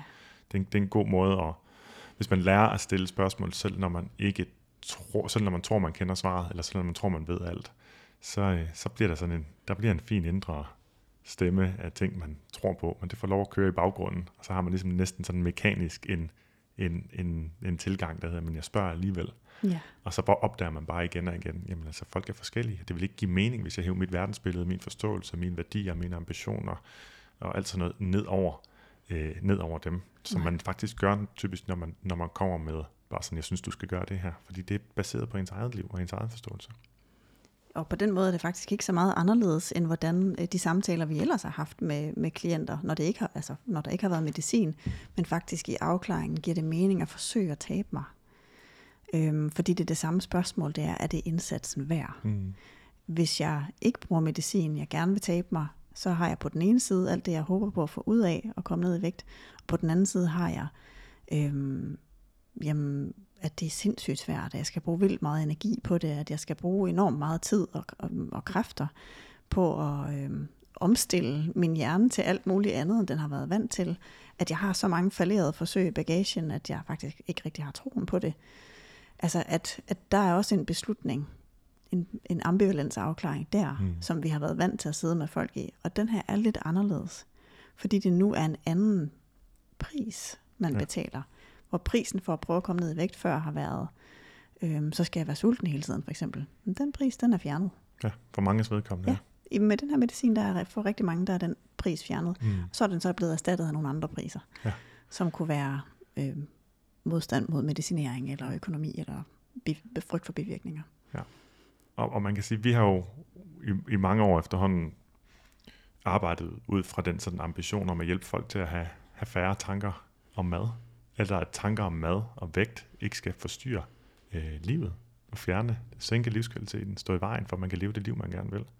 Øhm, og det betyder jo også, at hvis det er det, der er vores øh, hvad kan man sige, generelle mission og håb, og det vi gerne vil hjælpe folk til, jamen hvis medicin hjælper til det, så er det, falder det fuldstændig inden for, hvad, vi, hvad, hvad der også kan være en del af en måde at gøre det på. Så der er hverken en, der er ikke nogen øh, på den måde modstand øh, mod det. Men øh, som vi ved med alle mulige andre ting, man kan være begejstret for, så giver det rigtig god mening stadigvæk at være velovervejet, tænke sig om, og, og træffe, øh, træffe beslutninger, der er velinformeret. Det gør det. Og det bringer os måske sådan lidt hen mod det sidste del af, af episoden i dag, som er, jamen hvad så hvis man har en klient, der allerede er på medicinen, Mm. mm. eller man selv allerede er på medicinen? Hvad er det så, det giver mening at arbejde med? Øhm, og noget af det, som i hvert fald er vigtigt, det er, at man får hjulpet folk til at etablere de her motionsvaner. Og det lagde jeg også mærke til Jens Middelgaard Brun understreget der, at Det må man sige, ja. Ja, øh, og det er jo blandt andet, fordi vi ved, at altså, bevægelse er endnu... Altså, skal man kigge på, om vægttab er sundt? Det kan da godt være, men bevægelse, det ved vi i hvert fald er. Så der er ikke nogen tvivl om, at, øh, at det, det at komme i gang med, med at kunne bevæge sig og have nogle faste motionsvaner er en kæmpe gave i forhold til sundhed og helbred og velvære. Absolut. Og man bliver selvfølgelig, øh, hvis man taber sig relativt hurtigt, så får man lidt lettere, de fleste får lidt lettere ved at bevæge sig. Ja. Så det gør det også lidt lettere at etablere motion- motionsvanerne. Men der kunne man godt stadigvæk frygte, at man kunne komme til at begå den fejl, at man laver sådan en motionsmidlertidig indsats Mm. på vej ned i vægt, som man ikke, som ikke bærer videre. Mm. Altså at man for eksempel begynder at gå til spinning, fordi så kan man forbrænde en masse kalorier, og man, så kan man måske bevare noget muskelvæv i sine ben, mens man taber sig. Øhm, men at det jo ikke er måske noget, man har lyst til at fortsætte med på lang sigt. At når man er hos en coach eller behandler eller øh, personlig træner, som har forstand på, hvad får folk til at holde ved lige deres motionsvaner for altid, så ved man også, at man skal arbejde med bevægelsesglæde. Og det bedste, man kan gøre for sin klient, det er at hjælpe dem med at etablere øh, hobbies frem for motionsvaner. Altså hobbies, hvor det er noget, man bare tager afsted til hoppende glad, og som bivirkning, så, øh, så bevæger man sig. Mm. At det, det er den effekt, eller det, man sige, det er det, vi kan hjælpe folk med, så de kan bevare den på lang sigt. Og, og det kan man sige, det er jo også en del af, at alle de forsøg, de interventionsforsøg, der har været med medicin, har jo netop inkluderet øh, en arm, der handlede øh, om det her, ikke? altså om, om hjælp til at ændre livsstil, det var altså spisevaner og motionsvaner især. Ja. Så, så øh, det vil sige, hvis ikke man får hjælp til det, så er der jo den risiko for, at jo, det kan godt være, at kroppen er lidt lettere at bevæge. Man tager trappen en gang imellem nu, i stedet for, hvor det var sværere før, eller man bare i det hele taget føler sig mere bevægelig, men man faktisk ikke får sat gang i det. Fordi for mange menneskers vedkommende, vi har jo haft rigtig mange klienter, som gerne vil i gang med at træne, som ikke har haft vægten som et stort, øh, en stor barriere for det, men der er masser af andre barriere for at bevæge sig. Øhm, for eksempel sådan noget som, at der er kun den her måde at træne på, og den kan jeg i øvrigt ikke lide, så derfor så går jeg hele tiden og kæmper med, at jeg synes, jeg burde. Ja. Altså den her, det kan for eksempel være styrketræning tre gange om ugen, eller kettlebell-træning, som man har hørt skulle være det bedste for forbrændingen, eller hvad end det nu kan være. Og så har man fået en idé om, at det er det, der er træning, så enten så træner jeg på den måde, eller så træner jeg ikke, og det bliver ofte til ikke. Øhm, eller man sætter barn for højt, eller man vælger, også nu tænker jeg på løbetræning, også mange der tænker, så skal jeg ud og løbe. Der er mange mennesker, som overhovedet ikke trives med at løbe, og de fleste, der trives rigtig meget med at løbe, de er meget slanke, fordi det netop har... Det er meget nemt at bevæge sig så. Ja, det er meget, ja. det er meget påvirkeligt af, af vægten. Ja. ja, ja, og lige præcis, og det kan man sige, det er den rolle, vi så har, når vi sidder med vores klienter, som tager medicin, hvis vi har dem, at, øh, at hvis vi kan, vi gør dem, altså vi gør en meget større forskel ved at få skabt nogle gode motionsvaner, som man er glad for. Mm. Fordi et, man bevarer noget af muskelvævet, øh, når man taber sig relativt hurtigt, så vil man miste muskelmasse. Det vil man uanset hvad, for man skal bære på mindre vægt. Øh, så der skal man bruge mindre muskelvæv til at flytte rundt på en. Mm. Men noget af det kan godt undgås. Noget af muskeltabet kan godt undgås. Og grund til, at det er relevant, det er selvfølgelig både for sundhed og bevægelighed, men det er jo også fordi, at en stor del af ens øh, basalstofskifte, altså den forbrænding, grundforbrænding, man har, den udgøres af øh, muskelvævet. Så hvis man mister meget af det, og man så på et tidspunkt har lyst til at trappe, og forsøge at trappe ud af medicinen, så, så er man relativt dårligt stillet. Man er i hvert fald bedre stillet, hvis man har bevaret så meget muskelmasse, ja. som man kan. Og man kan ja, sige, jo mere muskelmasse man bevarer, jo større funktionalitet har kroppen, jo bedre er man stillet, øh, når man går ind i alderdommen. Så det er jo ikke alle, der tænker på det. Men hvis man tænker mere på det, så vil man have det bedre, når ja. man bliver gammel. Ja, det vil man. Eller ikke bare tænke mere på det, omsat det til handling selvfølgelig. Nemlig. Og jeg ved godt, nu ja, kommer lige til at tænke på, nu, nu nævner jeg det her med at trappe ud. Øhm, vi har selvfølgelig, må lige huske at sige, at, at øh, der er ikke ret mange studier. Øh, der er nogle studier i gang, og der er også folk, der laver sådan øh, forsøg, og, øh, og vi har også talt med en vægttabsklinik, hmm. som sådan har som deres øh, mål at hjælpe folk med at trappe ud, og det er det, de vil prøve ja. øh, at hjælpe med.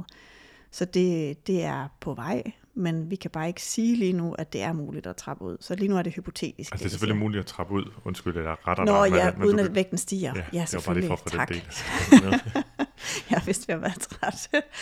ja, det er rigtigt. Øhm, så, så hvis man ikke bare skal lande tilbage til udgangspunktet, ja. når man så trapper ud. Altså, fordi man får jo sin sult og appetit tilbage. Ja. Øh, og det, der typisk sker, hvis man har haft et meget hurtigt vægttab, det er, at man kan få sådan en ursult. Øh, det ser vi også, hvis folk taber sig til fitnesskonkurrencer eller alt muligt andet. Øh, at man får sådan en, en ret voldsom sultstigning, som ikke nødvendigvis var ved, men mm. som man kan blive meget forskrækket over, når man så stopper medicinen. Øhm, så, men hvis man, hvis man får lyst til at prøve at trappe ud med professionel hjælp øh, til dosering, og til at man så også får nogle vaner, der understøtter, at man har en større chance for at trappe ud, mm. så vil motionsvaner være den ene. Men det vil også være i forhold til måltider. Altså det her med at få etableret en god måltidsstruktur, så man regulerer sin sult og mæthed bedst med at sammensætte måltider, som man nyder helt vildt, men som også har et højt mæthedsindeks, altså så man faktisk øh, kan modvirke lidt af den her appetitstigning. Ja. Det er noget af det, som er enormt vigtigt at arbejde med, hvis man skal prøve at trappe ud. Øhm, også fordi, ja, som vi snakkede om tidligere, så kan maden hurtigt blive lidt næringsfattig. Hvis man får så lidt mad, så, så er man også nødt til at tænke over det. Ja. Og så er der den, som er min sådan kæphest, som er, at hvis man har brugt mad til at håndtere følelser. Mm. Altså hver gang man har været frustreret, eller ked af det, eller haft en hård dag, eller været stresset, at så har man vendt sig mod flødeskumskagerne, eller chokoladeskabet, eller når man Et putter... skab af chokolade. Ja, et skab. ja, eller hver gang man har puttet børn, så har man øh, siddet og inhaleret en øh, bødt Ben Jerry's, fordi man synes, det var så frustrerende, eller hvad ved jeg. Hvis man har en tendens til det, så er der også en chance for, at det kommer tilbage igen. Mm. Fordi det er en følelseshåndteringsstrategi. Så Ja. hvis man så trapper ud, man så heller ikke har den der appetithæmmende effekt, øhm, og man ikke har fået arbejdet med det, så er der en ret stor chance for, at det vender tilbage igen. Ja, og det, det minder mig om, at, at det som, nu siger du selv, der er ikke data, der viser, at man kan gøre, at man kan trappe ud uden at tage på igen, fordi at man simpelthen vender tilbage til den fuldstændig den fysiologi, som man havde før. Men man behøver ikke nødvendigvis vende tilbage til de samme vaner, som man havde før. Og så er spørgsmålet, så påvirker vaner overhovedet vægten? Det kan man godt have indtryk af, at det ikke gør, fordi der har været meget den her snak om, at, at folks vægttabsforsøg, de simpelthen ikke holder. Så det er som om, der er altid et eller andet, der taler imod. Men det er altså bare sådan, at hvis du sammensætter, altså sammensætningen af kosten gør en, en stor forskel. Jeg har en bekendt, øhm, som, som for nylig fortalte, at, at han, øh, han har ændret sin aftenvane. Øh, han fornemmede, at han var blevet lidt rundere, og har så ikke hoppet på vægten, men har formentlig lige så langsomt taget sådan 8-9 kilo på. Øhm, og så har han fundet ud af, at jamen, hver eneste aften, der spiste han øh, øh, næsten sådan en halv bøtte Cartador-is, og så også lige øh, et eller andet andet ved siden af. Og øh, det var det eneste, han havde ændret. Og, men det var så lige så langsomt bare akkumuleret, og, sådan på. Og så har han simpelthen stoppet, ændret, med, ændret den vane til noget andet om aftenen. Og øh, så er der sket det, som øh, man i virkeligheden rent fysiologisk også ville forvente. Jamen så er de kilo, han havde taget på, de er simpelthen forsvundet igen. Ja. I løbet af sådan en relativt kort tid. Det betyder altså, der, vi skal ikke fornægte, at der jo stadigvæk er noget, der virker på vægten, også ved at ændre på kostvaner, som altså, øh, som altså sagtens kan være vejet. Det er typisk, fordi man går i en eller anden helt gal kuragtig retning.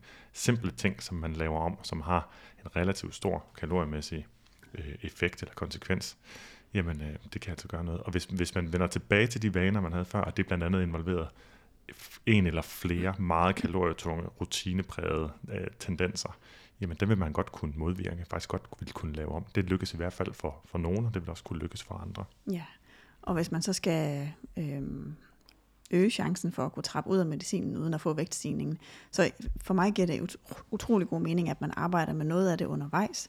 Altså for eksempel evnen til at håndtere følelser på andre måder end med mad. For nu har man ikke rigtig den mulighed længere, og så står man der med sin stress og sin frustration. Hvis man så lærer at håndtere den uden at putte noget i munden, så er man altså noget bedre stillet, hvis man ikke har det med sig fremad. Mm. Øhm, og så kan det godt være, at der er nogle ting, som man kan sige, jamen der hjælper medicinen simpelthen så meget med appetitdelen, det kan da godt være, at man kan vente til man rent faktisk trapper ud med at begynde at arbejde på sammensætning af måltider og måltidsstrukturen. Øh, altså de vaner, man har omkring det. Mm.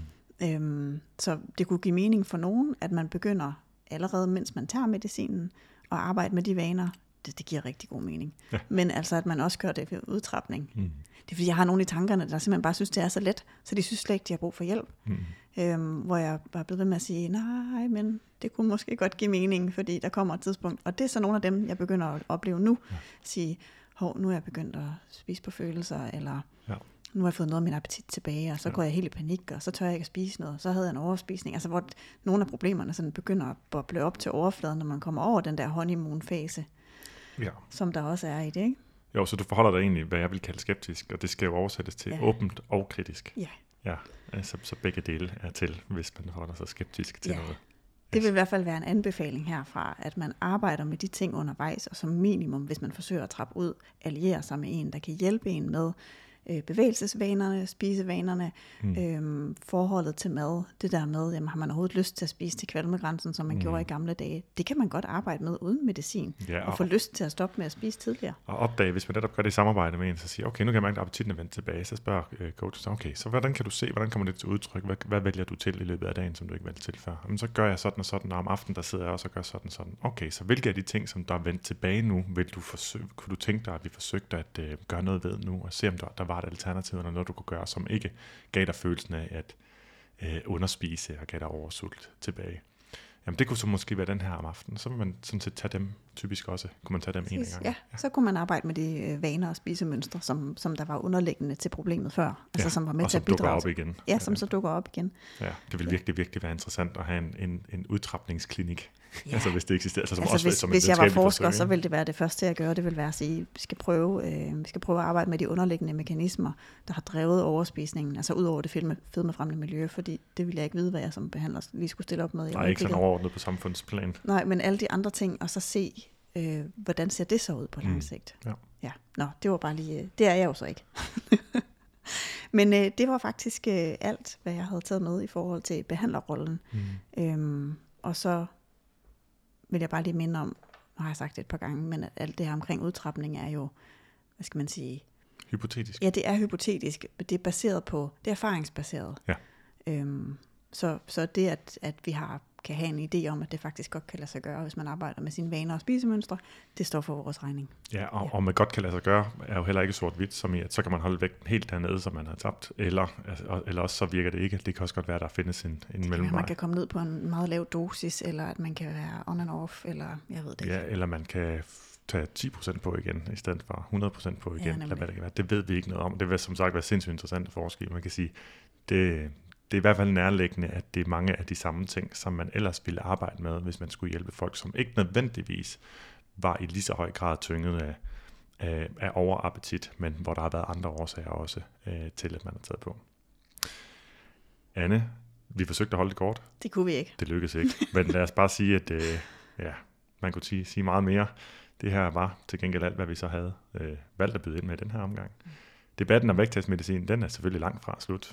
Der vil løbende komme ny input, der vil komme ny viden, der formentlig med tiden gør dele af den her podcast øh, decideret forældet. Men det, som nok ikke vil forandre sig, det er, hvordan vi, der arbejder med livsstil og vaner, skal forholde os til vores klienters valg. Nemlig åbent og nysgerrigt og aldrig dømmende. Det er i hvert fald, hvad vi altid har uddannet vanecoaches til at gøre. For at kunne det, så er det vigtigt, at vi ikke har stærke holdninger på vores klienters vegne – for eksempel i forhold til vægttabsmedicin, men at vi i stedet altid hjælper dem til at gøre det, der er bedst for deres livskvalitet, uafhængig af, hvad tidens meningsdannere måtte synes er det rigtige. Med de ord vil jeg gerne sige tak for godt selskab til dig, Anna. I lige måde. Og til dig, der lytter med. Hvis du vil lære at hjælpe andre med deres vaner, så husk, at du finder alle vores kurser på madroinstituttet.dk. Så er der vist kun tilbage at sige tak, fordi du lyttede med.